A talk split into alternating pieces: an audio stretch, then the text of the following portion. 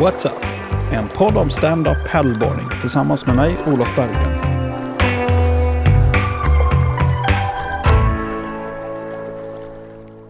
Hej alla vänner. Jag vill börja med att be om ursäkt för att frekvensen på släppta avsnitt har inte varit så högt som jag hade tänkt mig. Det har helt enkelt varit för mycket att stå i. Men nu är jag här igen. Tänka sig. Fyra avsnitt nu. Hoppas ni lärt er lika mycket som jag. Eller kanske bara haft lika gött häng som jag haft vid inspelningen av podden. Nu är det dags för dig att förbereda ditt kaffe, fatta pennan och textblock. För i dagens avsnitt ska vi snacka om säkerhet. Rosie Karlsson från Subcoachen är med oss igen och vi kommer snacka om flytvästar, leashes, hjälmar, drunknande mexikanare och mycket mer. Nu kör vi igång dagens intervju.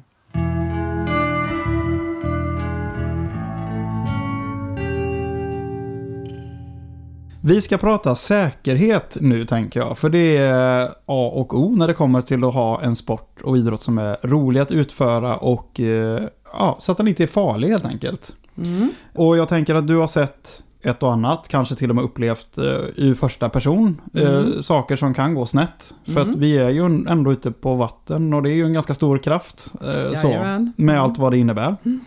Eh, så jag tänker djupdyka rakt ner i eh, teknik, eller rättare sagt eh, det som krävs för tekniken. Vi behöver materiella ting för att utöva Mm. SUP. Mm. Mm. Det är ingen paddling utan bräda eller Nej. paddel. Ja, Ska vi börja prata om brädan och paddeln då helt enkelt? kan vi göra.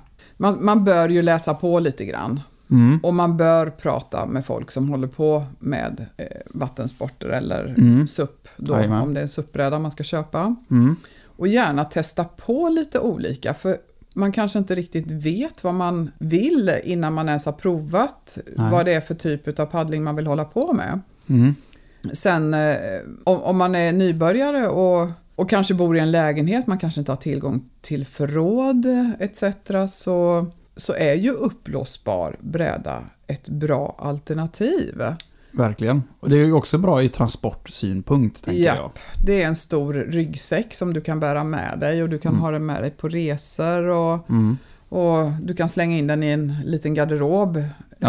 eh, utan att den är alltför otymplig om man säger så. Mm. Det är ju den stora fördelen med de uppblåsbara brädorna. Sen bör man ju tänka på hur mycket man väger, hur mycket volym man ska ha. Mm. Och är det en uppblåsbar bräda, ju mer volym du har, desto större och högre blir ju brädan. Just det. Och eh, där kan jag ju känna att eh, i och med att jag, jag oftast är ute på havet så har jag en, en stor uppblåsbar bräda så innebär det att den är ganska hög och tar ganska mycket vind. Just det, du driver eh, Ja. med vinden då. Ja. Mm. Det kan ju också bli en sak som blir lite besvärligt. Ja, speciellt om man då måste väja för någonting, tänker jag. Om man Mm. eh, möter andra båtar eller liknande. Om du då inte har 100% i kontroll, utan Mm. du kan drifta, så är det ju, det är ju skitjobbigt. Ja, och sen om man tänker säkerhet också och ha en uppblåsbar bräda så för guds skull inte sticka ut långt ut på havet själv. För är det så att någonting händer, att den börjar pysa eller, Mm. Eller att den på något sätt går sönder, de är jättetåliga. Mm. Men är olyckan framme och man är ensam ute på vattnet, då är det inte roligt för då har man ingenting att hänga på. En tumregel är att vara minst två personer ute eller vara Mm. så pass nära stranden att du vet att du kan simma i land. Även om det då är Jajamän. strömt får man också tänka så att inte, tänka, jag kan simma 300 meter, Mm. ja men inte om det är strömt och motvind. Nej. Jag vet eh, att det, det har hänt eh, en kille som var ute och paddlade och hade en, en paddel som var lite trasig, den var lite naggad i kanten så den var vass. Ah, Och hade en gummibräda och satte den i brädan och brädan pös ja. rakt av, liksom luften försvann. Mm. Sånt kan hända. Och det ska man ha med sig. ja, definitivt. Ja. Så precis som du sa, är man ute på en uppblåsbar bräda så håll dig liksom inom simavstånd ifrån, ifrån havskanten. Mm. Eller vart du nu är. Sjöar kan ju vara jättestora också. Det är klart att de kan vara. Sen, sen tänker jag, alltså som för min del, jag är ute och paddlar på vattendrag så att jag har ju liksom två meter till varje sida. Sen vet jag att det är strömt på sina ställen. Mm. Men det är ju oftast ganska djupt ner. Det är ju Mm. underströmmar då. Mm. Så att eh, där kan man väl ta sig i land oavsett om det är vass eller inte. Sen är det mer eller Mm. mindre otrevligt kan man väl säga då. Ja, ja visst. Men eh, helt klart, är man ute på en sjö eller liknande, då, det, det, det är ju det som är så förrädiskt, det är så lätt. Mm. Du kommer ut så fort Ja. eh, ut i mitten och så känns det Och sen är mäktigt. precis, och sen så hamnar man i det här läget som vi pratade om i förra avsnittet också, att Mm. man är så här och nu och det är så härligt så man, tiden bara försvinner och så helt Ja. plötsligt, oj vad långt ut jag var liksom. Precis. Jag gillar ju att paddla ut, jag tycker det är supergött att bara dra iväg eh, Mm. långt ut. Absolut. Det tycker jag det är liksom helt Men- fantastiskt. Jag och havet bara och brädan, det är liksom det bästa, bästa, bästa. Men jag har ju fasta, hårda brädor då. Ja, just det. Och då har man ju alltid ett flyttyg jämte sig. Ja, det har man Som, ju. du kan, som man kan hänga på. Mm. Och för att komma in på nästa grej då, så leashen. Mm. eh, Den sitter fast i brädan och den sitter fast runt din fot. Så skulle du trilla i, Så kommer du aldrig från brädan. nej, Nej. så har du brädan liksom inom ett par simtag. Mm. Eller alternativt att man bara drar upp foten och drar tag i leashen så du drar brädan till dig. Just det. Och det är också jätteviktigt för fasen vad fort en bräda kan blåsa iväg ifrån dig. Speciellt om den är uppblåsbar då. Speciellt om den är uppblåsbar för då är den ganska lätt också. Och då Mm. bara sticker den iväg. Och du kommer ju inte orka simma ikapp den liksom. Nej, nej, inte alls. Så leashen är, är ju därför jätteviktig såklart. Mm.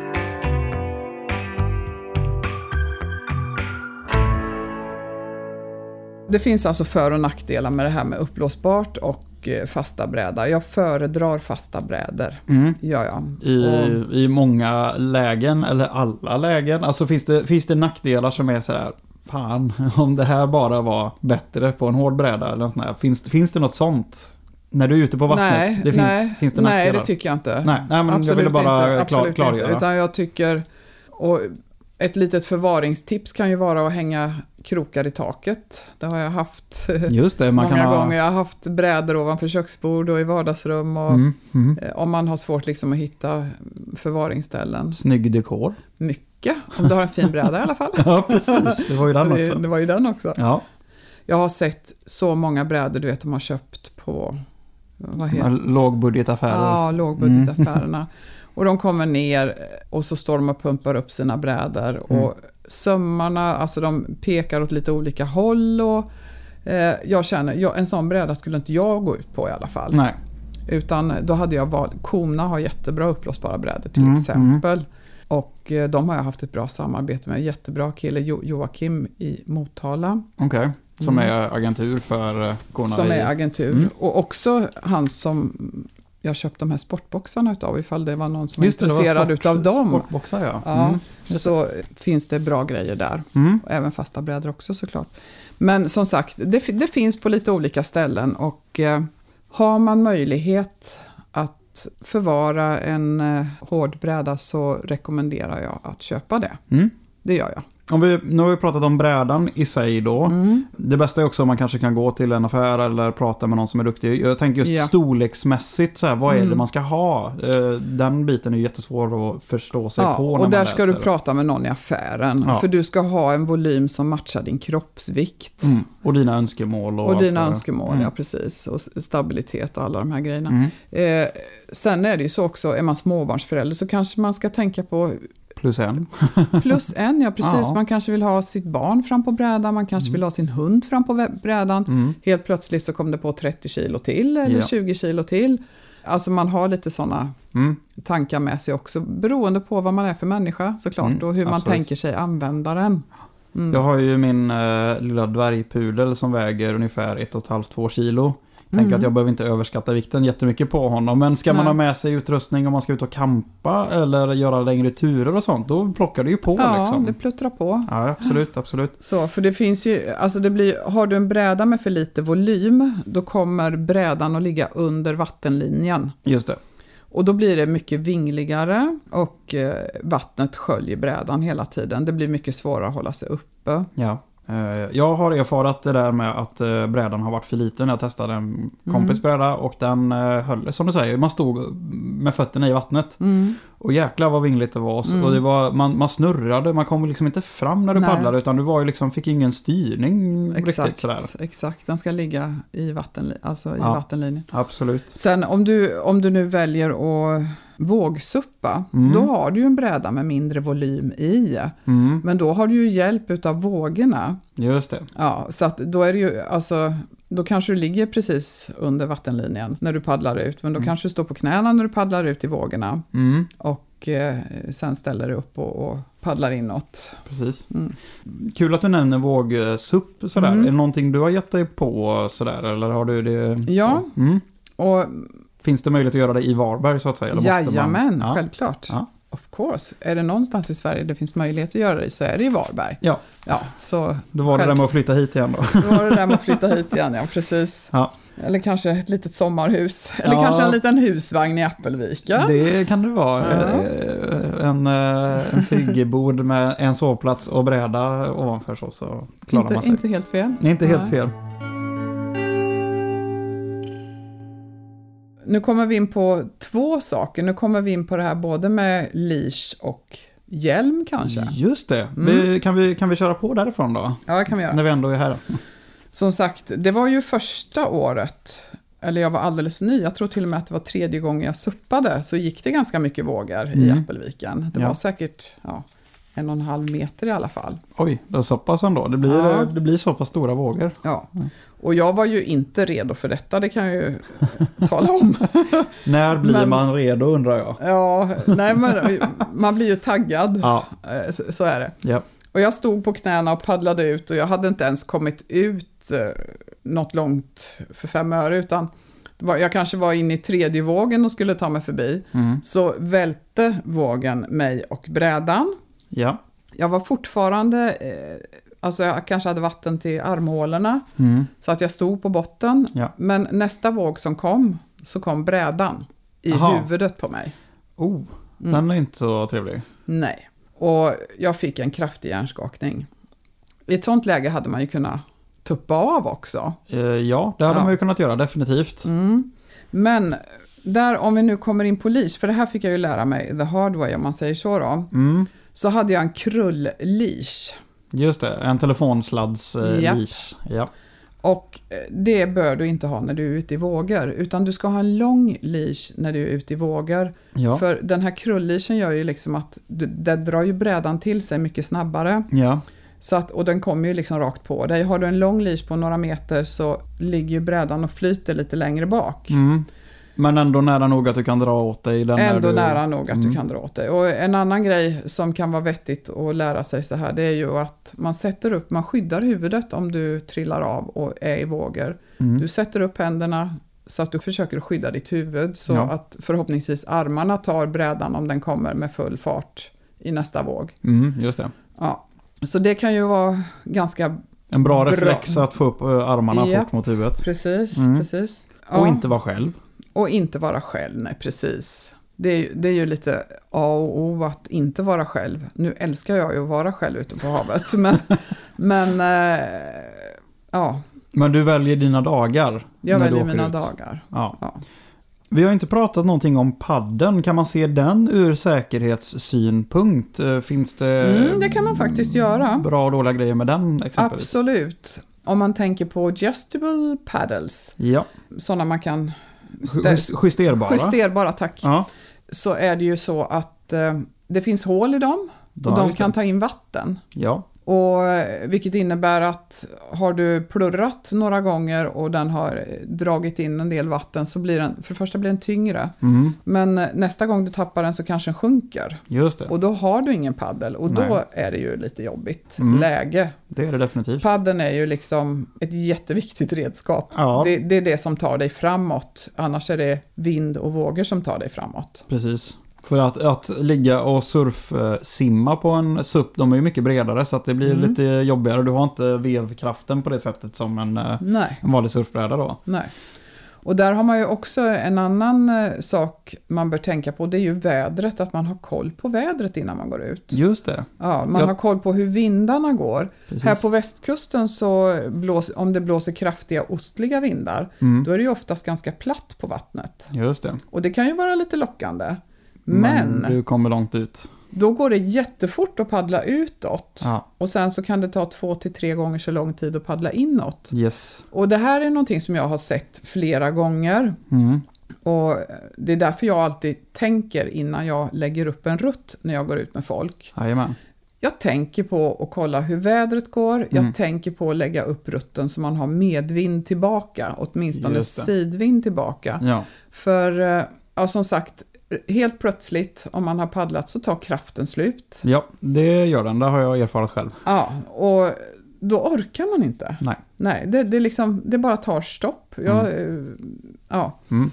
Om du då är en bit ut och så ska du paddla mot, eh, alltså det räcker ju med att det är 7-8 sekundmeter så är det jättejobbigt. Mm, absolut. Och, och för en som inte är van så är det ju ännu jobbigare. Då har man inte tekniken för det och vet hur man ska göra heller. Så blir det ju, du bränner ju ut din energi fortare om du Mm. inte har teknik. Precis. Så du blir dubbelbestraffad på ett sätt kan man ju Jajamän. säga. Och är det då kanske uppåt 15-16 i byarna, Ja. då krävs det muskler alltså Ja. för att ta sig fram. Och då kan jag komma med ett litet tips. Om man paddlar i motvind och man Mm. känner att man börjar bli trött, sätt dig på brädan. Gör dig så liten som möjligt så får du inte så stort vindfång. Nej. Det, det är också en väldigt bra grej. Om vi går tillbaka till lite materiella ting så kan vi prata mer om väder sen. Mm. Så pratade du om det här med justerbar paddel. Alltså du Mm. kan alltså skräddarbeställa en fast paddel för din längd. Är det det du skulle komma till då? Eller ja, hur? eh, som du till exempel, ja. om du har en egen bräda Mm. så bör du ju ha en, en längd på paddeln som passar din kropp Ja, och din paddelstil. mm, precis. Och det kan ju vara jättebra med en justerbar paddel såklart. Mm. Delvis om man eh, kanske flickvännen vill gå ut och paddla så kanske hon är kortare eller Ja. längre, vad vet jag. precis. Men eh, ska du bara ha den liksom för eget bruk så köp en lätt paddel. Mm. Gärna en kolfiberpaddel för det är värt det. Det är slitstarkt och eh, Det är- lätt. Det är lätt att slita, ja precis. Ja. Och eh, de justerbara paddlarna är oftast ganska tunga. Mm. Och det gör ju också att det blir jobbigt. Ja. De har ganska, alltså jag märker på min paddel nu då, det var ju en sån här som följde med i ett kit. Mm. Eh, fenan känns som att den blivit vass. Den har liksom inte eroderat men eh, den är liksom, den är väldigt Fenan vass. under brädan. Nej, utan själva paddeln. Själva Alltså paddel, paddeln? Ja, Ja, den har ja. liksom blivit sliten i kanterna och Mm. blir vass. Mm. Så jag tänker att jag ska gå nästan och raspa runt den för att den ska bli där, mjuk. Ja men precis, för där har du ju den där grejen som jag precis sa. Tänk om den faktiskt blir så vass så att du nästa gång du tar ett paddeltag så råkar du Så hacka den i, den liksom. i, i din uppblåsbara bräda. Mm. Och då har du ingen bräda. Nej. Ett tips där det är att tejpa paddelkanterna. Ja, Ja, så Just ha, det. ja, gör det istället för att raspa på den. mm. Tejpa paddelkanterna så, Mm. så blir den liksom både lite mer hållbar och inte så vass. just det. Mm. Och har man då en ganska skrall, skrall färg så syns den om den ramlar i vattnet. Mm. Tänker jag. Ja, det är också bra. Mm. Det är också jättebra. För det är också, det var också något jag pratade om, för jag tänker vi ska komma in på nästa tema nu då. För nu har Mm. vi pratat om bräda och eh, paddeln. Jag tänker vi ska prata om... Ja, men jag, vill, Våtdräkt. jag vill ta en Ja. sak Ja, till du har med, en ta- ja, med paddel. Mm. För där har det gått... När jag började paddla, då skulle man ju ha en sån jättelång paddel. Just det. Ja, Mm. så man skulle liksom stå raklång och så skulle man sträcka upp handen och vinkla vristen, Mm. alltså handvristen. Mm. Och så skulle paddelhandtaget vara där. Mm. För att man skulle få djupare paddeltag. Just det. Och nu när liksom sporten har utvecklats Mm. så inser man ju liksom att, eh, i alla fall om man ska tävlingspaddla eller om man ska liksom få upp lite mer tempo, Mm. så, är det, eh, så har man kortare paddlar. Okej. Så du, har, eh, du står, när, när du står på brädan Mm. så skjuter du bak rumpan, spänner tag i kåren Mm. och paddlar framme vid nosen. Då får du upp ett helt annat tempo i paddlingen. Mm. Så längden på paddeln är, är ju också väldigt viktig som jag ser det. Mm. Och eh, dessutom om du är en människa som vill paddla i vågor Mm. så har du heller inte så lång paddel utan då har du en kortare paddel. Därför att eh, det går snabbare liksom att ta upp den och man måste vara lite snabbare i sina rörelser och, och, Finns och det, så vidare. som du sa då, det här med att man, en, man lägger vristen över. Jag är ju absolut en av de som faller innan på rätta för att jag Mm. har inte sett någonting annat då. Nej. Hur skulle man, eh, finns det ett sätt som jag själv kan justera den till ett mer Mm. aktivt paddlande då? Vad är det nästa sån där? Då, då sträcker du upp armen och så har du paddeln ungefär en decimeter nedanför din handvrist. Just det, där du skulle sätta eh, kanten på ett svettband. kan man nästan säga. Eller där klockan hamnar strax under. Eller Ja, längre ner. Längre ner. Längre alltså, Ja, nej, ta mitten istället. Ta mitten, okej. Ja, Mm. ungefär. Mm. ungefär. Testa, testa det Och så får man, får man känna på, men då Mm. gäller det också att man har en schysst teknik när man står. Absolut. Ja, för Mm. att eh, annars så blir det ju, annars får du ont i ryggen. Precis, ja. För det blir, det blir lätt att man kröker ryggen istället för att ha rak rygg. Och det är Du det ska som... inte kröka ryggen. Nej, det är ju det. Nej. Men det är ju det man gärna gör till en början.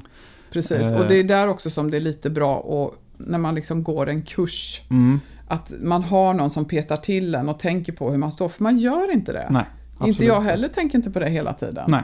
Utan Men- eh, jag kommer på mig själv när jag blir trött, oh, liksom, då Just får man liksom sträcka upp sig, eller sträcka till sig Mm. lite sådär va. Det var någonting jag jobbade väldigt mycket med nu förra säsongen. Jag var ute, just det där med, som du säger, med sträcka ryggen för att jag orkade så mycket mer. Mm. Eh, och i och med att jag paddlar längs med en å så tänker jag att ja, men jag gör en sträcka. Jag paddlar uppströms Mm. och sen så kan man vila på vägen hem genom att sitta ner och styra då Ja, kanske mer. Nu är det så oströmt så att det kommer ingenstans. Men eh, Ja. den, så om man vill vila så vilar man på hemvägen så Ja. att säga. Men eh, där märker jag ju när jag paddlade att paddeln, jag, jag drog den ganska djupt. Det kändes oeffektivt för att Mm. jag, jag fick liksom inte fullt utslag. Nej. Men fattade inte riktigt vad det handlade om. För grejen är så här, om, om man nu tänker på att man vill ta sig fram fort Mm. eh, och bli duktigare. Ja. Så, så är det ju de här små finjusteringarna som gör det. Och Definitivt. där är ju en typisk sån grej. Liksom. Mm. Ska man ner en halv meter under brädan med paddelbladet, Mm. Det tar tid och det tar kraft. Det gör det definitivt. Ja, så du ska ju bara liksom så smidigt som jag brukar säga, nu, en, en av de träningsgrejerna jag kör det är liksom stå stilla, Mm. ha händerna som i en trekant. Just det. Den nedre handen mitten på paddelskaftet, den övre handen och så träna på att ha raka armar Just det. och paddla fram vid nosen och gör det som du hade en liten elvisp där framme bara för att få in den tekniken. Mm. Mm. Så det är en bra grej att träna på för att liksom känna efter hur man eh, använder padden. Ja, ja Mm. helt rätt. Sen kommer du inte att stå så och paddla men eh, Nej, men det är ju en, ett, ett, för att få in en bra Precis. eh, stance på brädan så. Mm. Mm. Snyggt. Eh, nu vill jag ut och testa detta på en gång, men eh, jag får väl eh, hålla Får mig lite Hold till. your horses. Lite så.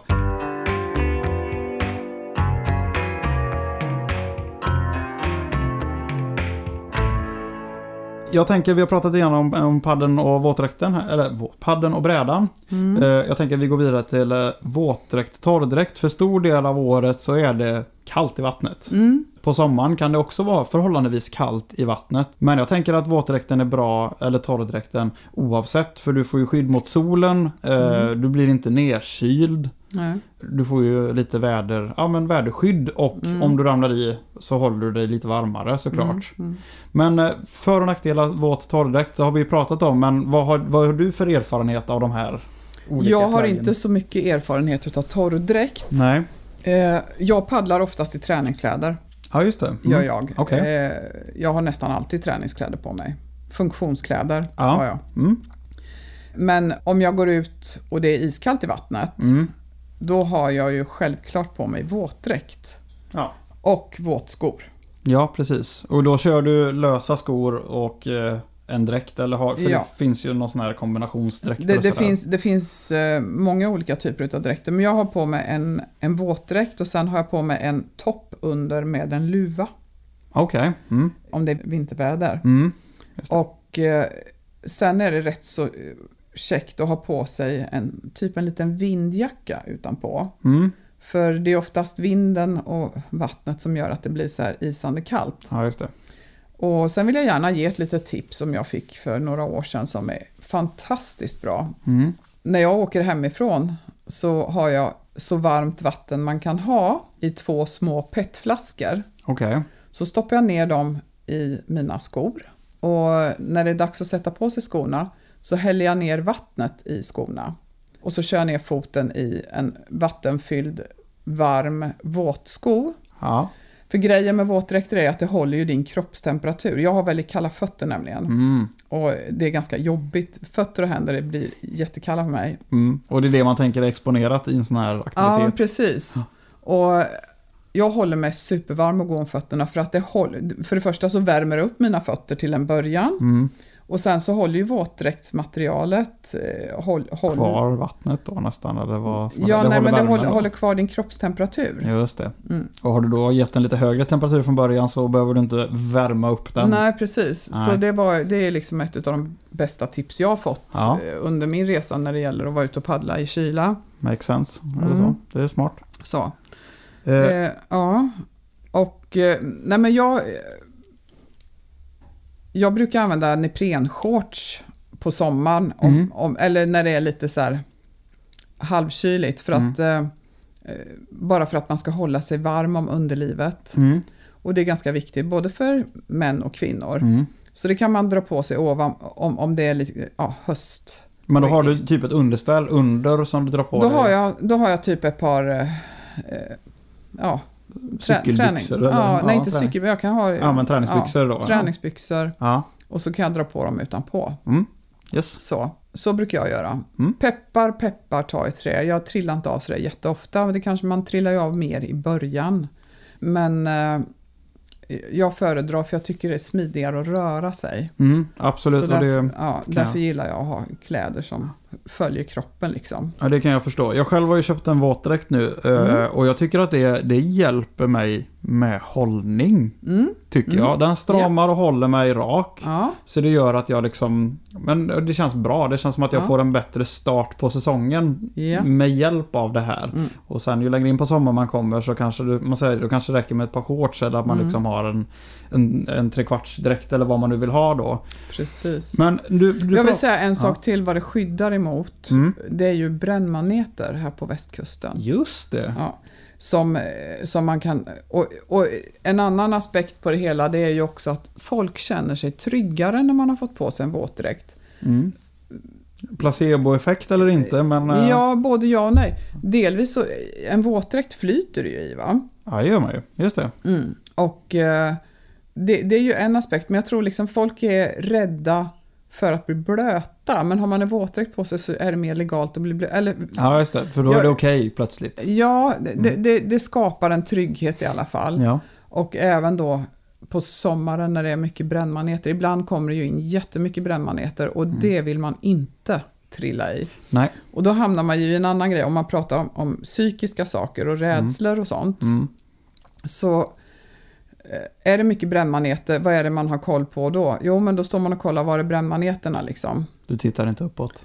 Du tittar, nej, inte för det, jag tror inte att man Nej. eh, dunkar in i en båt eller någonting bara för det, men Nej. när man har fokus eh, precis ner i vattnet runt omkring sig, Mm. då tappar man ju liksom mm, paddlingen. Du ska ha fokus på eh, Horisont. någonting långt framför Ja. dig. Just det. Så, för att Mm. du får mycket sämre balans om du står och tittar ner rakt ner i vattnet. Då tappar du balansen Ja, på ett helt annat sätt. absolut.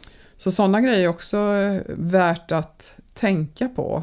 Ja, ha fokus framåt istället. Liksom. Titta, eh, höj blicken och kolla, kolla på den ön eller den klippan där som du tar, rik- mot, tar riktning mot. Mm. Liksom. Ha, ha, en, Ha ett mål. ja, Mm. ha en, ett riktmärke i din paddling och försök att skapa en lina mellan brädan och riktmärke för att paddla så rakt som möjligt mot Ja, målet. Då. just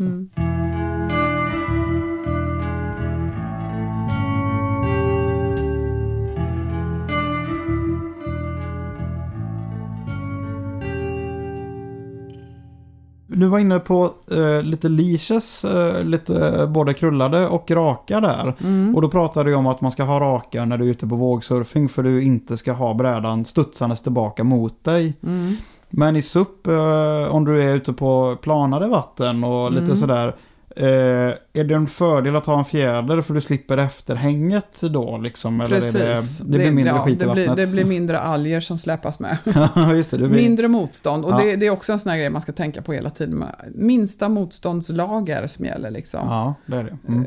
Vind, vågor, Mm. nyttja naturens krafter Ja. och eh, minimera Just allt det. motstånd. Ja. För att ta dig fram smidigt på vattnet. Yes. Jag har fortfarande kvar leashar som jag köpte för åtta år sedan och de håller och de har varit använda mycket. Ja. Är det någonstans som som är liksom den bristfälliga biten så är det oftast tampen som du sätter fast i brädan, Just det. där du binder fast leashen, Mhm. att den knuten går upp. Ja, okej. Så den kan man ju checka med jämna mellanrum. Mm. Mm. Just det. Så annars så är leasharna, som jag har haft i alla fall, Ja. bra. Men eh, jag tänker där, flytväst, flytdon. Mm. Alltså du säger våtdräkten agerar ju lite flytdon åt dig. Mm. Det är inte en hundraprocentig försäkring misstänker jag såklart. Men eh, alltså om, om brädan kommer bort eller går sönder eller vad som nu händer. Eh, har du flytvästar? Har du någon sån Mm. där grej med dig? Flytnudel? inte vet jag. Ja. Eh, det första året jag körde, när jag Mm. var nere i Appelviken som jag berättade om, då Mm. hade jag faktiskt krav på att man skulle ha flytväst. Ja. Eh, folk ville inte ha det. Nej. En del tog det på sig, men de flesta ville inte ha flytväst på sig. Är det estetiskt sett då? Tror du? Är det fåfänga? Svar vet jag, lite Ja. fåfänga kanske. Men eh, för min del så är det mest att, eh, jag vet inte, jag, jag personligen Mm. Tycker att jag blir lite rörelsehämmad. Ja, Och man använder ju kroppen när man paddlar. det gör man. Mm. Absolut. Men det är dåligt utav mig att sitta och säga det också för att eh, jag förespråkar att folk har flytväst på sig. Mm. Och samtidigt så, alltså det är ju risker med allt man gör, men det här är ju liksom en äventyrssport om man väljer att lägga den på den planet. Det tycker jag. Det är inte en extremsport eh, i den bemärkelsen, men det kan ju absolut vara en del av Det den kan vara en kategorin. extremsport. Ja, jag menar det. vågar så är det definitivt en extremsport. Absolut. Men då, då hamnar man ju liksom i- det läget också. Vad är det för människor som söker sig dit? Mm, just det. Ja, och då, där har man ju liksom den här eh, eh, kicksökar-människan. Mm. Och man, man, man söker kickar liksom, man, sök, man, man vill eh, känna den här rushen i kroppen Mm, så liksom. Och det är ju också, ja, ju närmare döden du kommer desto mer levande känner du dig. Ja. Så det är ju liksom en sån paradox. Eh, och ska man liksom safea upp sig allt för mycket så Ja, jag vet inte. Då kanske inte det är det man ska hålla på med heller. Då har du ju Eller nu, kitesurfing nu, nu, och då känner, har du... nu känner jag att jag är lite elak eller dum som säger såna här saker kanske. Jag vet inte. Nej, men det, alltså det, det tycker jag, jag bara inte. säger, jag pratar om människans natur. Ja, precis. Alltså, eh, är du, är du ute i vågor, ska du stå där fullt påbyltad med flytväst och hjälmar och grejer? Eh, ja, jag, jag, alltså det här med hjälm, det borde jag ha om någon. Mm. Jag tänkte, vi kommer till hjälmen här Ja, sen nämligen. Jag har en men, kommentar om det. Men liksom, eh, det blir inte samma grej. Nej. Nej. Känner man att man vill ha det ska man absolut ha det. Mm. Och man kanske, det kanske är jag som absolut skulle ha det. Men är, är, Men- ser, men jag du, har det inte. nej, ser du en brist i utformade flytdon för SUP, alltså som, som, sådana som är gjorda för, för största möjliga flexibilitet? Är det det att det inte har lagts utvecklingskrut på det? Eller Nej. finns det? Det finns. Ja. Det finns jättesmidiga flytvästar som, som eh, löser ut sig själva Mm, idag. just det. Men de kostar också, de är också svindyra. Ja, Mm. för att det är ingen Som marknad. man bara hänger runt halsen och de är inte i vägen. Nej. Är de inte. Nej, Och en sån hade ju varit käckt om man sticker iväg långt ut. Ja. Så, va? för då är den inte i vägen förrän Nej. den behövs. Nej, Nej. precis. Men eh, det, vi vill se mer flytvästar för att det, det, det är väl en, en, en sån här intalad, inte machopryl, men det ska inte behövas. Att Mm. det ska vara en självklarhet. Likväl som att man ska ha hjälm när man cyklar helst. Mm. Säger den som inte har hjälm när man cyklar. Men man, så, det är ju där, det, är ju det som är så dumt. Det är ju bara någon slags intalsgrej. Jag har en, eh, en, en jättegod vän som bor i Australien. Där Mm. är det lag på, på hjälm. Och där känns det konstigt när du cyklar utan. Ja, på, på cykel? Ja, Ja, jag trodde, vad- jag trodde men, du menade på SUP. Ja. Nej, men varför är det inte det överallt? Det är Mm. bara att ta det som en självklarhet. Jag tänker suppen, det finns ju hjälmar. jag som- menar, alltså, ja. Sunt förnuft säger jag. Ja, absolut. Ja, för, för eh, alltså, hålla på och paddla där det är mycket stenar, Mm. det är ju inte smart. För eh, druttar du i, det är ju det jag ser som den största faran att slå sig. Det är när du ramlar i. Ja, det är om man, om man eh, suppar på grunt vatten Ja. och där det finns mycket stenar. Mm. Du är Mm. mycket mer safe på djupt vatten. Det enda som händer är ju Du är längre bort. Ja, men alltså det enda som händer är att du blir blöt Ja. om du trillar i. Ja, och det är inte farligt Nej. att bli blöt. Eh, Du kanske får en kallsup också om du har otur. Mm. Men eh, Dagens goda mineraler. Får man ja, väl se det som då. ja, någonting, alltså, jag bara ploppar upp en annan grej så här. Ja. Om du har otur så här, den största oturen man har det är ju att man losar svindyra solglasögon och det har man ju gjort några gånger. ja, just det. Ja, ma- om man eh, druttar i. Mm. Jag tror att det skulle man nog tjäna på att göra en liten sån här dykningstur ner i Appelviken. Där ligger i alla fall Ett par Ray-Bans extra. eh, ett antal glasögon som jag har tappat som är värt några tusen lappar. Ja. Men eh, alltså man, man måste, det, är- det är ju sådana grejer man pratar om innan man sticker ut och sådana grejer som jag varnar för. Var inte att paddla över stenar. Nej. Nej. Är det så att du skulle prompt måste ta dig förbi ett sånt parti Mm. så går det jättebra att sätta sig ner på knä. Ja, precis. Ja. Det var det jag tänkte. För det är ju, då, då sänker du din centralvikt och din balans blir mycket Ja. bättre. Och Ja, du åker inte av liksom. Det Nej. ska mycket till att åka av om man sitter på knä, en och en halv meters vågor. typ. Ja, så. Och vara helt grön som jag var då också. Nej men absolut, och, och, och se inte det som en typ av kompromiss på ditt paddlande. Jag tycker det är ganska rofyllt att sitta på knä och glida Ja. också. För Jätteskönt. jag, jag slappnar av mer. Ja. Man kan ta en liten paus så. Ja, Absolut. Så det är helt, helt okej. Och det var också en grej som jag tänkte på där. Eh, om man nu börjar, när man börjar liksom och försöka få folk att känna sig trygga. Mm. För jag, eh, jag, jag tror att det, det är det viktigaste när man börjar. Folk är jätterädda för djupt vatten. Och det är en instinkt som vi har, vi människor. Vi ska vara rädda för djupt vatten. Jajamän. Det är helt okej, det är helt naturligt. Mm. Eh, och är det så att man, ibland blir ju folk så rädda så man får såna här zigzag-knän. Alltså du vet, det bara skakar i knäna. Men gå ner och sätt dig på knä. Mm. Det är helt okej. Ja. Gör det tills du känner dig Trygg. trygg på brädan Mm. och tills du känner att ja, men nu fixar jag det här liksom och, och väx sakta i din trygghet. Mm.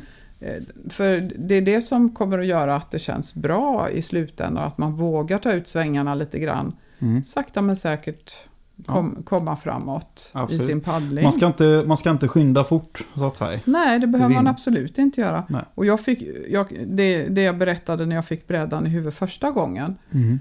Efter det så fick ju min, vart ju min kropp så. Mm.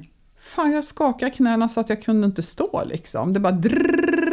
Ja, för det, det satt så hårt inpräntat att det här är ju inte bra liksom. eller Ja, farligt. kroppen bara skrek att det här är passar dig, passar dig, passar dig.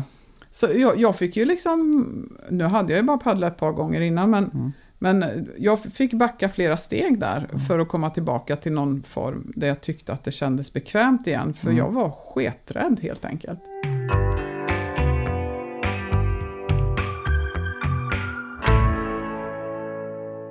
Jag tänker hjälm. Mm. Alltså, är det yay? Nej, alltså det är ju bra när du Ja. ramlar i, men det är ju det är återigen otympligt. Det blir jäkligt varmt om du är ute på sommaren, Mm. tänker jag sådär. Det finns, alltså det fin- när du kajtar så har du hjälm. Mm. Och det finns kitehjälmar att köpa. Och ska du vara i vågorna, delvis, eh, delvis för, för din egen skull, men det kommer också kitare som flyger fram fort som fan. Jag vet inte hur många gånger jag har varit så nära på eller fått väja för en kitare Ja, som okej. kommer i full fart. Som liksom. tappat kontroll eller uh, inte Ja, ser sig för. nej, de behöver inte ha tappat kontroll, Nej. men kanske inte ser. Nej. Alltså, eh, Det händer för mycket. Ja men precis liksom, eller jag vet inte. Kanske har koll upp, uppåt och så helt plötsligt så kommer den i nästa vågdal så dyker upp en eh, SUP-bräda eller Mm. alltså det här, Man får koll på, man får respektera sina Ja. territorier kanske lite grann då. det är också en sak som jag tror liksom vi är inne i en utveckling av här för vi har inte riktigt om man säger vågsurf som har funnits så länge, där har man ju en, en turordning på vågor. Mm. Eh, En liten djungellag, eller vad ska man säga, som har utvecklats. Ja. ja. Eh, och idag, om, om vi tittar ner i Appelviken när det är fina vågor och det blåser schyssta vindar. Det är fullt med människor som suppar, det ligger kanske en vågsurfskola i vattnet Mm. och det är supp, så jag suppar, ja. Ja, och så suppar är det kajtare. Mm. Det, är liksom, det blir, man får, man får ha koll alltså. Mm. Så, så är det och de dagarna så rekommenderar jag hjälm, även om jag inte har någon själv. Det finns alltid bättring. Man kan alltid bli bättre. Jag kan bli bättre Ja, precis. på väldigt mycket. Då ser vi att det kan vara en bra grej då. Ja. Eh, SUP-hjälm. Vi behöver också se, jag tänker det här, alltså det vi ser visuellt är glada människor Mm. i snygga våtdräkter på en snygg bräda på ett blått hav. Mm. Vi Det borde, är så se, man tänker sig. Liksom. vi borde se en hjälm och en flytväst på de bilderna. Mm. Mm. Till slut, alltså vi behöver ju liksom, man behöver sätta en ny trend. Japp. Så där finns det ju att bygga på för de som håller på och gör sådana grejer. Ja, precis. Mm. Och även för mig då som självklart. Jo, sen, eh, vi pratade om det här med krav på flytvästar. Jag fick ju ta bort det. Mm. Mm. För eh, folk vill ju inte ha det. Va? Ja, just Och det det. är vuxna människor och de måste få göra sina egna val. Ja. Men när jag har mina barngrupper, då har jag krav på flytväst. Ja. Det är ingen unge som följer med ut utan flytväst. Och där möts du inte av protester och sånt, eller? Nej, Nej. Det Nej, bara för då, får de, då får de inte följa med. Så Nej. enkelt är det liksom. Nej. Det är bara att ta på. Jo, jag kan mötas av protester. Mm. Måste jag ha det? Mamma, måste jag ha det? Mm. Pappa, måste jag ha det? Och då säger jag, det beslutet har jag. Ja, för det är du Ska som du ska följa, ska du följa med ja. mig ut så ska du ha flytväst på det. Punkt Absolut. slut. Liksom. Ja. Så det, det beslutet behöver inte föräldrarna ta. Nej. För det, det tycker jag, det är Mm. liksom... Man ser det som en sån här grej då. Du sätter det, de- du sätter det som en grej i huvudet på de, barn. de yngre. Mm, Att de kanske kommer tycka det är en bra grej Ja. framöver. ja, Det, du sätter ju en bra standard ja, tidigt. ja, tack. Det är bra. Snyggt. Där i alla fall. Ja, absolut. Ja. Eh, Men sen är det så här också. Barn gör inte vad man säger till dem. Nej. Barn gör som vi gör. Så att hur eller hur i slutändan så... ja, men- precis. Ja. Yes, ja, jag har en annan grej här nu som jag Mm. bara tänkte på. Mm. Eh, min vattenetikett börjar liksom ta slut här, men jag har en tanke om en visselpipa slash larm. Mm. Är det, alltså så här, om man är långt ute, när du, och det är också en sån här konstig Mm. grej. Varför är alla våtdräkter svarta? Mm. Du ligger i ett vatten, Jättedumt. du syns ju inte. Nej, det är jättedumt. Det är skitdumt. Ja, Eh, Eh. så, men hur gör man sig märkt? Alltså du kan veva din paddel men den är också Ja. svart. Eller sådär. Är ja. det. Eh, hur gör man sig märkt om man Ja. skulle ramla i och komma bort från brädan? jag har ju gärna en färgglad eh, vad heter det, funktionströja på mig. Ja. Det gör ju att man syns. Och det, är faktiskt, det har jag faktiskt fått påpekat utav eh, båt, Mm. båtar som jag, alltså vi är ute och vi är, har man våtdräkter på sig är de svarta. Nu har jag rosa subcoacher-märken på mina våtdräkter. Det är någonting som lyser upp lite grann. Det det. Vita brädor. Men eh, det är svårt, alltså det är jättedumt. Det borde verkligen vara eh, Barnflytvästar är ju Mm. knallgröna eller knallorangea. Mm. Och eh, det borde all, man, man borde ha färg på sig så att man syns. Mm.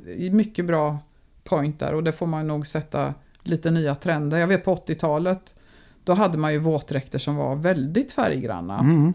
Eh, Och, det var, och, och det var okej. Ja, ja, ja. Det det- var, ju, det var ju jättecoolt. De var ju Ja. skitsnygga. Precis. Mm, Så det måste vi tillbaka till. det ska vi tillbaka till, det tycker Ja. jag absolut. Eh, Men det här med visselpipalarm då, det, är liksom, det, det var ju återigen bara en tanke jag hade. Ja, det kanske nej, men- inte hjälper dig så sett. Ja, men alltså på, om du köper en liten bättre flytväst så Mm. sitter det ju faktiskt ofta en visselpipa Ja, på den. gör, Ja. Eh, Jag har alltid visselpipa på mig när jag är ute med barngrupperna. För att hålla koll, eller Ja, och- fokus. Och jag säger alltid till mina grupper, Mm. försvinn inte längre ifrån mig än ni hör mig. För blåser det så, och man har motvind, då hörs man inte så bra. Nej. Eh, och är det så att jag liksom vill samla ihop gänget så, så blåser jag till liksom så, så vet de att nu är det dags att ha fokus på mig. Mm. Mm. Ja, men det, då, det, det finns ju någon typ av Ja. funktion i det hela liksom. Absolut, så Eh. det, det, är en, det är en bra grej. Precis. Absolut. Solfaktor. Ja, Solen. Det- då, då, då kommer vi in faktiskt på de mest eh, vanliga säkerhetsgrejerna som är så vanliga så att man kanske nästan inte ens tänker på det. Ja. Men det säger jag alltid till eh, folk från ah, vad ska vi ha med oss? Solskyddsfaktor, Mm. ha gärna en keps, ha solglasögon. Mm. För eh, när solen skiner och återspeglar sig i vattnet så blir man ju eh, kraftigt bländad alltså. Ja. Och keps, jättebra. Är det så att du känner, om vi nu pratar om såna här supervarma dagar, är det Mm. så att du känner att du nästintill får solsting så fyll kepsen med vatten och släng den på huvudet liksom så kvicknar du till som bara den. Den har jag gjort ett par gånger. Dock blev vi ju på kepsens bekostnad för vattendraget. Det är ganska äh, Yes. så tråkigt. Den försvann. Nej, men den blev ju ganska missfärgad och den Ja, fick liksom så här, det, det är rätt sunkigt vatten kan man väl säga då. ja. Ja. Mm. Så att det var väl inte jättetrevligt, men det var bra. Det, gjorde, det gjorde effekten där, liksom man kände att det nästan kokar i huvudet så kunde man liksom bara fylla på med vatten. Så det, det är ett jättebra tips. ja. Absolut. Så, så eh, det är ju också en sån grej som jag tänker på när jag är ute på vattnet, varför jag har träningskläder. Det skyddar mig från solen. Just det, det gör det ju. Mm. Då behöver du inte hålla på med sju lager eh, solfaktor varje Nej, men dag. jag, jag har alltid solskyddsfaktor på mig. Jo, men jag menar att du, du, du sköljer ju bort och du svettas ju bort om Mm. det är varmt. Så att då Mm. behöver man ju fylla på med det där under dagen Ja, på ett annat precis. sätt. Det kanske inte... Man är väldigt utsatt för solen på vattnet. Sol. Mm. och salt och vatten, det, det, det tar styggt alltså. Och det är alla ska man- uttorkande faktorer ska man tillägga då. Mm. Och sen säger jag alltid till folk att vara uppvätskade innan de kommer. Just det. Ja, så de har druckit mycket så det finns liksom. För även om man inte tror, man kanske inte känner att man svettas så, bara för att det fläktar hela tiden. Mm. Eh, men eh, det försvinner mycket vätska ur kroppen Ja. på ett sånt pass. Och ska man ut själv så har jag sån här camelback, det. Camelback så jag Mm. fyller vatten så har jag en liten rygga på ryggen och så har man en slang som man suger i sig vatten med jämna mellanrum. Just det. Det är väldigt bra. Jag kör ju den primitiva varianten att jag har en petflaska fastsurrad längst fram på brädan. Mm. Så, så får man sätta sig på knäna och så fram och skruva av. Det är ju Köp lite bökigt. en camelback för det, alltså Det de kostar göra. inte många hundra och det Nej. kan man ha i många lägen när man är ute och åker skidor också. Man, Ja, just det. Och, Mm. och, I må- så- nästan alla lägen är det en bra investering. ja, det är det faktiskt. Eh, tycker jag. Snyggt. Eh, Mm. Vi har precis pratat om vatten och dricka, men då, har du, då hade vi en lösning på den punkten där, så det var ju Mm. väldigt bra. Jag har egentligen bara en avrundningsgrej här nu, om jag inte har missat någonting. Jo, det har du. Det har jag. Mm. Vad är det jag har missat nu då? Du har missat eh, att läsa havet. Just det, Ja. det har jag. Mm. Och det kanske inte är en sån jättestor grej här i Sverige, Mm. men eh, alltså det blir bra sug i vattnet ibland, Ja, gör det. Ja. När, det. när det pressas på, för alla vågor som kommer in med stor kraft ska ut någonstans och det blir strömt. ja. Eh, är du utomlands, Mm. så om, om du är en surfare så sätter du dig och läser vattnet först. I några timmar, ser hur det beter sig, vart går strömmarna och då nyttjar du strömmarna på vägen ut. Just det, för Ja. att få hjälpen och inte Precis. jobba ut sig. Mm. Eh, vi har ju inte så mycket sånt här i Sverige, Nej. men trots allt, nere i Appelviken kan det bli riktigt strömt. Alltså man kan få ett sånt sug runt benen så att eh, en liten unge kanske inte står emot det. Nej. Och även nere i Kåsa Mm. eh, har det ju varit riktigt strömt. Så att det, jag vet inte om vi kommer att få badvakter nu här i Varberg på de ställena som det bildas de här strömmarna. Men. Kåsa och Appelviken är... Där Det kan det bli riktigt strömt liksom. alltså. Ja. Ja. Ja. Så det, det är jätteviktigt och även liksom kolla, se, se hur vattnet beter sig. Framförallt om du ska ut i vågor. Mm. Kolla, reka lite, prata lite. Vart är det bra att gå ut? Vart är det shoppigt? Och vart Mm. eh, är det renaste vågor? Ja. För vågorna byggs ju utifrån botten. Precis, ja, och botten flyttar på sig. Så det här året kanske det är bäst vågor där borta. Det här året kanske det är, mycket renare vågor på det- stället. Och, eh, och samma du som är ute och paddl- paddlar i vattendrag. Mm.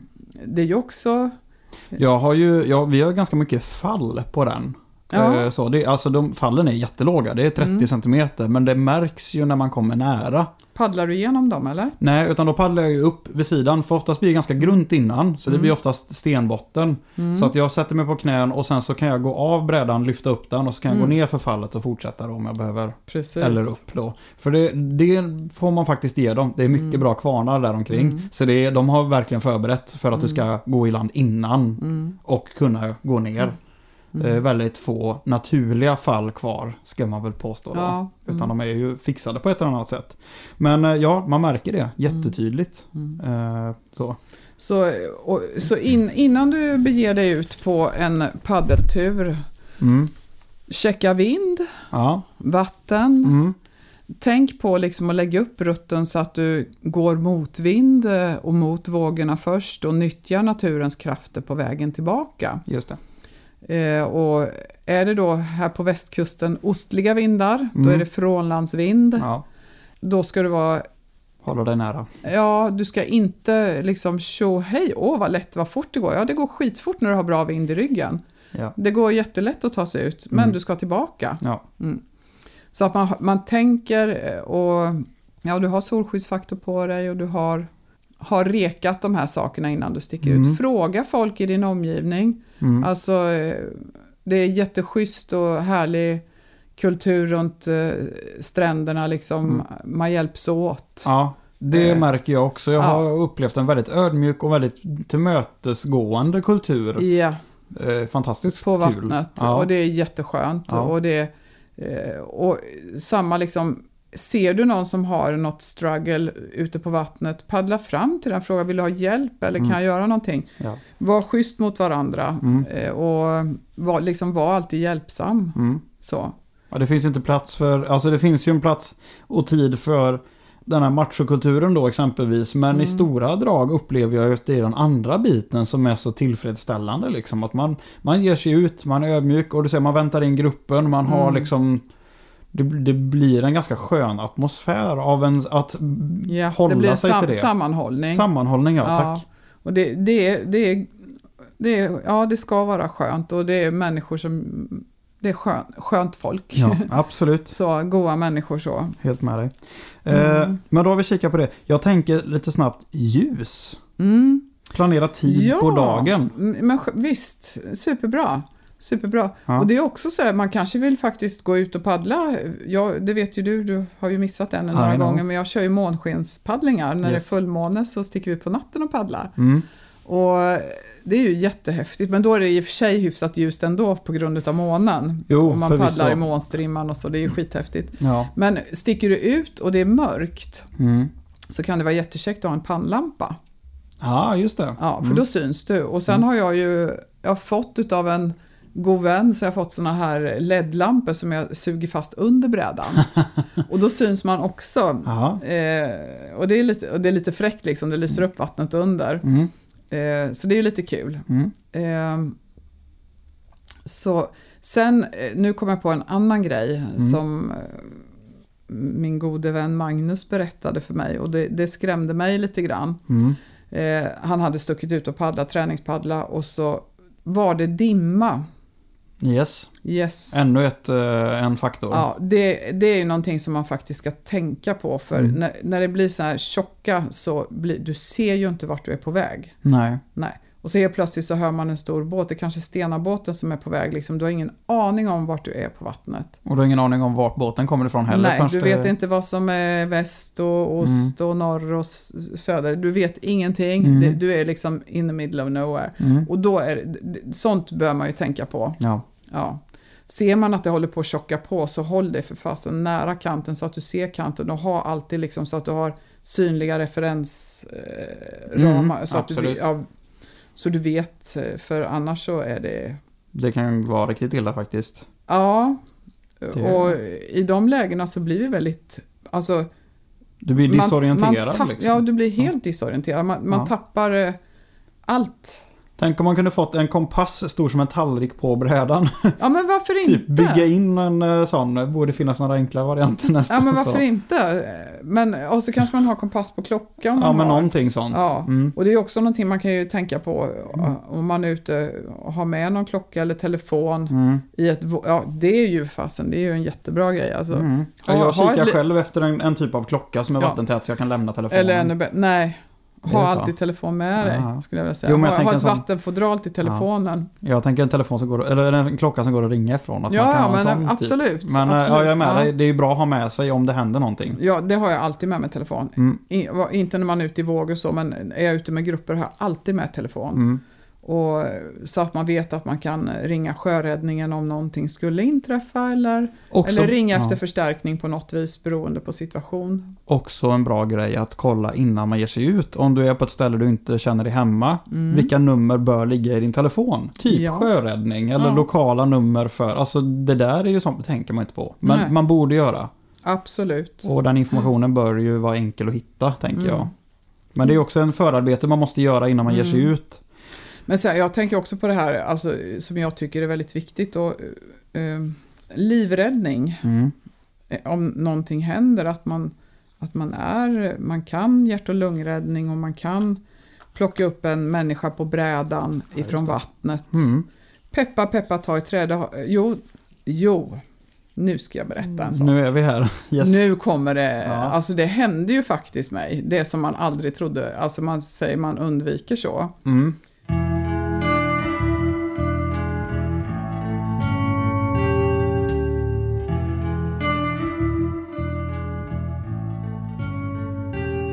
Drygt ett år sedan, så var jag nere i Mexiko Mm.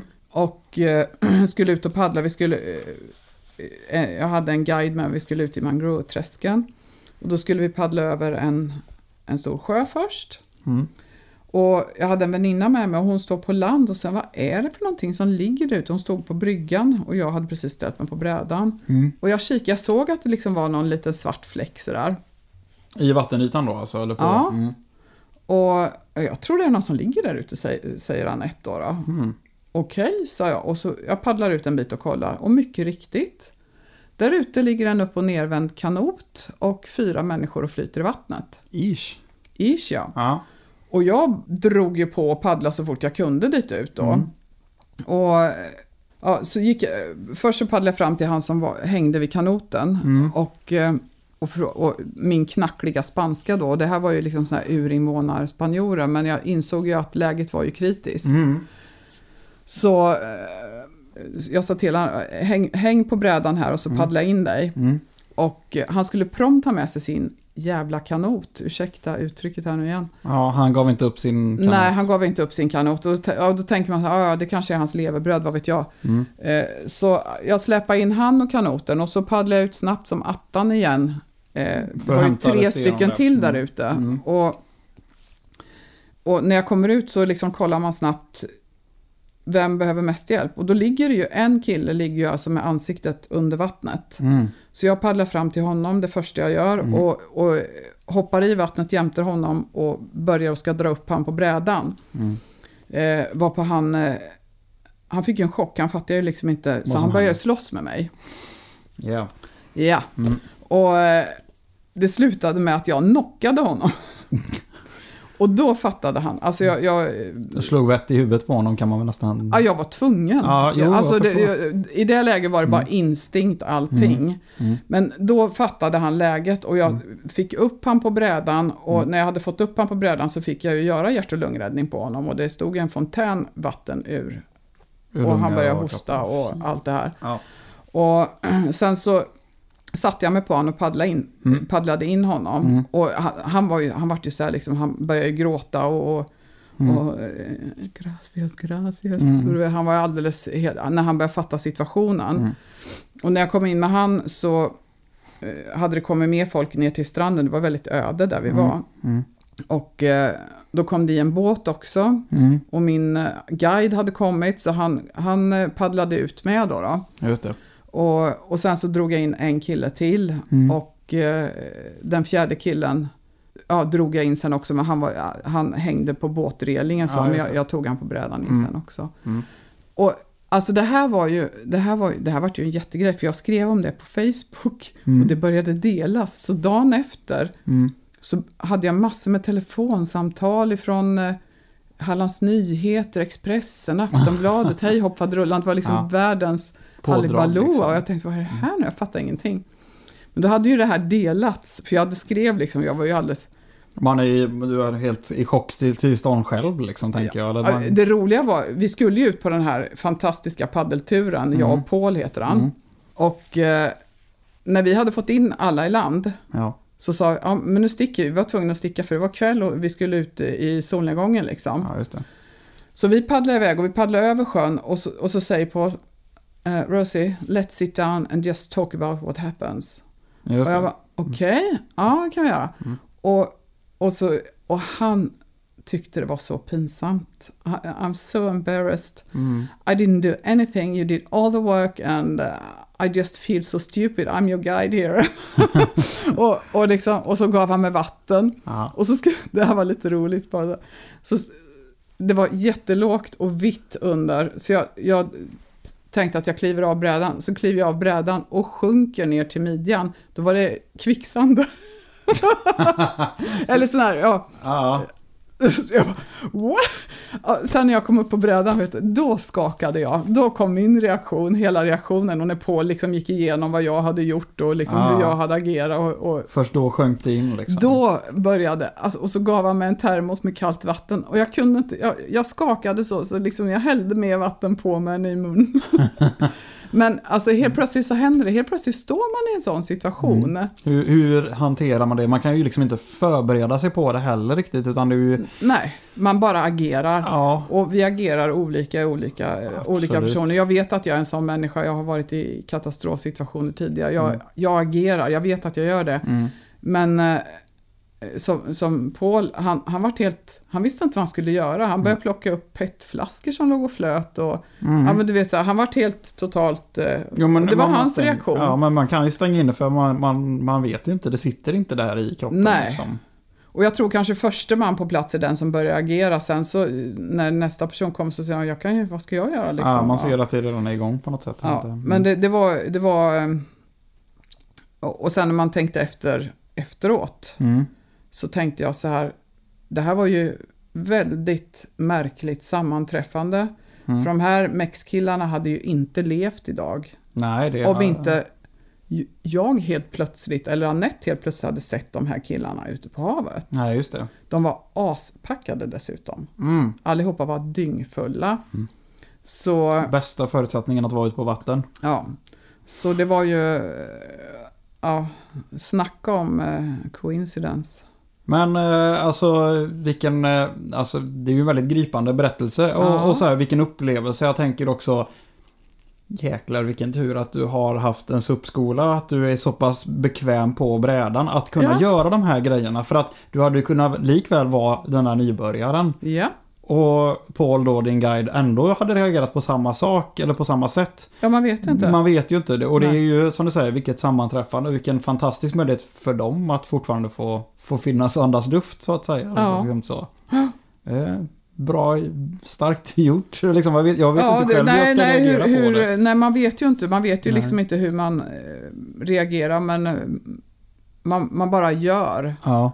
Men det, det roliga var ju liksom att det vart ju världens uppståndelse. Helt plötsligt var jag, var jag ju uppsmockad på löpsedlarna. Rikskändis över en dag. Ja. Ja, det var inte, ja. Ja, saker och ting händer i livet, så är det. ja, absolut. Men Eh, eh, Man ja, de här de mexikanska killarna, de ska vara grymt glada att, att det råkade vara en... Jo, men vad jag skulle säga mer där, det var ju Mm. det här med livräddarkunskap. Just det. Mm. Hur viktigt det kan vara, för man vet ju aldrig när det händer. Nej. Och man vet ju aldrig, nästa gång det händer så kanske man inte lyckas heller. Nej. Alltså det, det, Mm, man kan får bara göra så det. mycket och så gott man kan. Absolut. Eh, och det händer saker, det händer säkert mer olyckor på eh, cykelbanorna än vad det gör på vattnet tror jag. Jo, men likväl, alltså det kan ju vara magnituden på vad som händer kan ju vara lika allvarlig. Alltså det kan ju vara lika, alltså så om... Vad är magnitud? Magnitud, alltså storleken på vad som Ja, händer. ja. Om någon slår, cyklar vält och slår i huvudet med en cykel, Ja. det är farligt och allvarligt. Men som du säger, hamna för långt från sin bräda, det är Mm. ju ett jävla öde att hamna i om man inte orkar simma i land. Ja, det är det. Det, alltså, där, har du, där är du satt i en annan situation för där är du medveten om, Mm. ja i deras fall kanske inte då de har druckit för mycket, men jag menar att vara medveten att det här är på väg att hända och du inte kan Mm. göra någonting åt det. Mm. Då är man ju jävligt Kör. liten. Ja, Ja, då är man liten. Då är man fruktansvärt liten. Det var en grej till jag ville bara säga runt omkring det här. Och Mm. det här är ett problem. Det är vattenskotrar. De är livsfarliga för oss suppare när Ja. man är ute på tur alltså. Mm. Och det, alltså ibland, ibland, jag har sagt åt några att det är oftast unga killar som är ute och kör de här vattenskotrarna och de kör, Macho-stuk. de kör så fort skoten går liksom. Ja. Och jag kan förstå den känslan, det är jätteroligt. Mm. Men ska man köra på det viset så håll er, På eran plats liksom. håll er långt ifrån. Ja.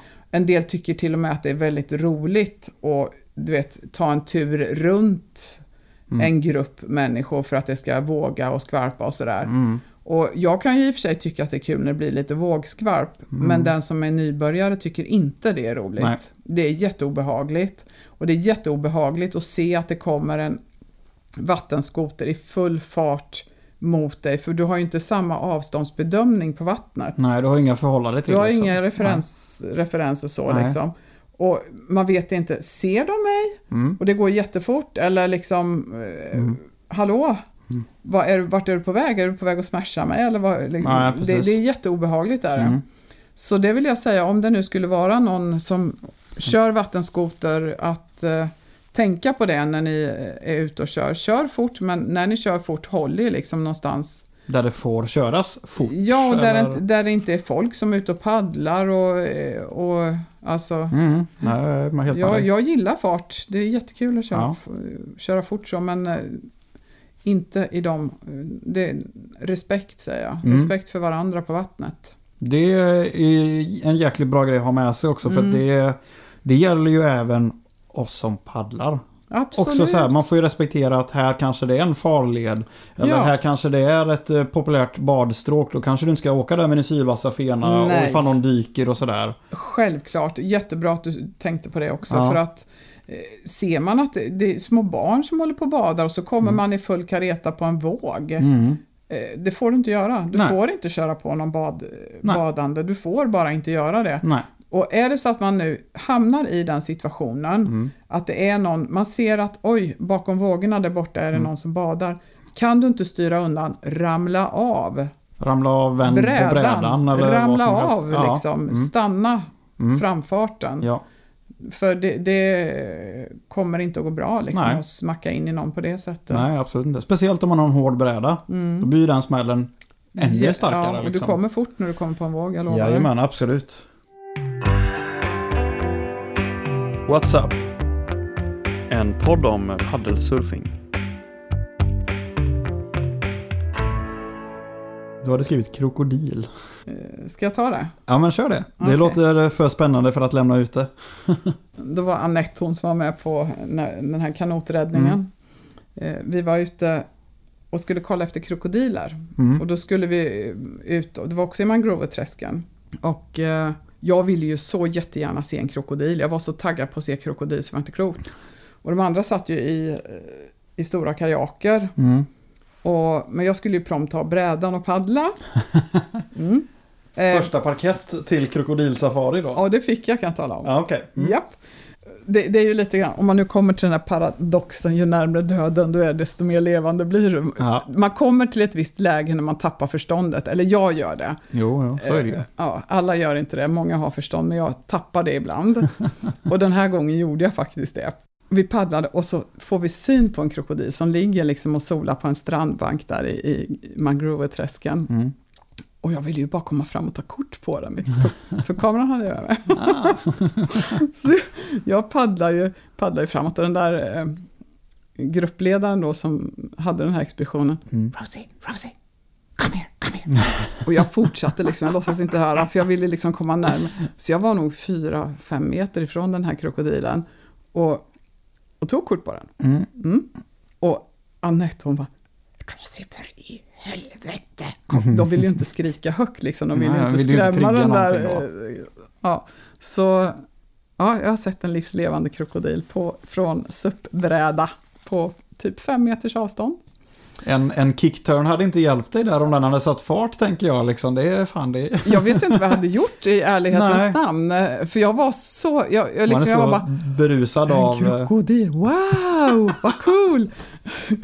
Men sen var jag ute, det var för, nej det här var två år sedan, förra Mm. vintern var jag också i Mexiko då. Mm.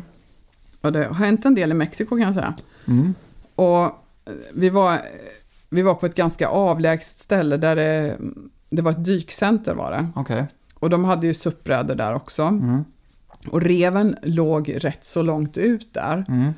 Och jag hade legat jättesjuk i feber och jag var så less på att ligga inne och så började jag bli lite bättre och så tänkte jag, jag måste ut på havet. Jag Mm. måste, jag får skölja huvudet med lite saltvatten så att jag liksom... Känner dig Blir vaken och frisk, levande. ja. Mm.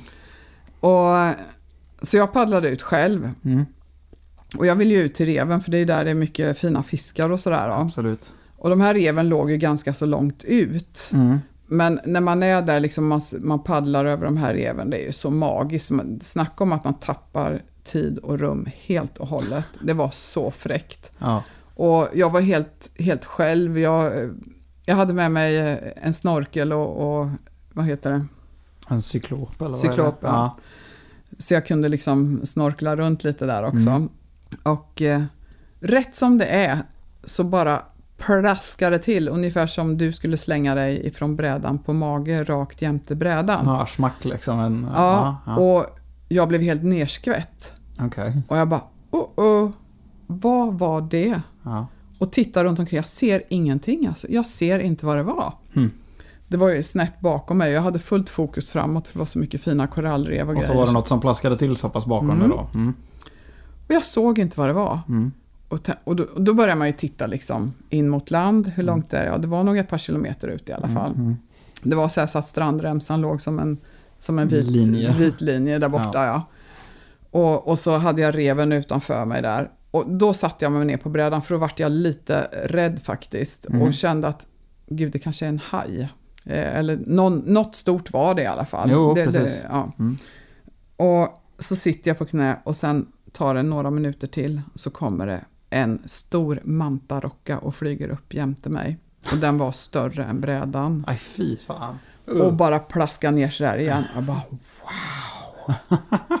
Alltså det här, var, det här var one of my days in life. Det var helt magiskt.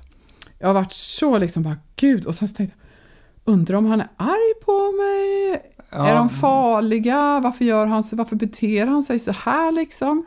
Eller var det bara som en nyfiken säl som bara, vad är det här för någonting? Ja men precis, sådana tankar började snurra Ja, i huvudet på mig. Så jag började, det var då jag började se mig Mm. om och tänkte, oh nu är jag ju ute på en sån här dum grej igen. Mm. Eh, Hur var det ute. med säkerheten? Ja, hur var det med säkerheten nu igen? och så såg jag, några hundra meter bort, så såg jag ett par flippers plaska till ovanför vattnet. Så jag förstod att det var någon dykare där ute. Ja. Så jag tänkte jag paddla ut till han. Och upp kommer det en, eh, en mexikansk kille. Mm. Han hade bara sina flippers och så hade han bara ett par såna här simglasögon på sig. Mm.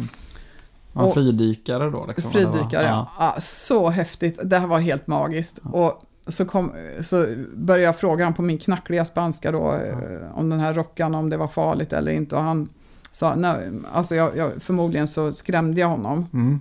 Det var därför han flög upp sådär, för de ligger och sover nere på ha- havsbotten. Och så blir han stressad för skuggan då kanske? Ja, precis. Mm. Och eh, så frågade jag om de var farliga. Nej, de är inte farliga. Den blev bara rädd. Den hade stuckit iväg liksom. Ja. Mm. Eh, Och så, ja, vad gör du här då? Och så drar han upp en hel, ett hel, han var ute och plockade languster, langustiner. Ah. Eh, och om vi nu pratar om humrar i våra vatten Mm. så är de här ungefär, ja de var jättestora. Så han la upp en, en hel ring.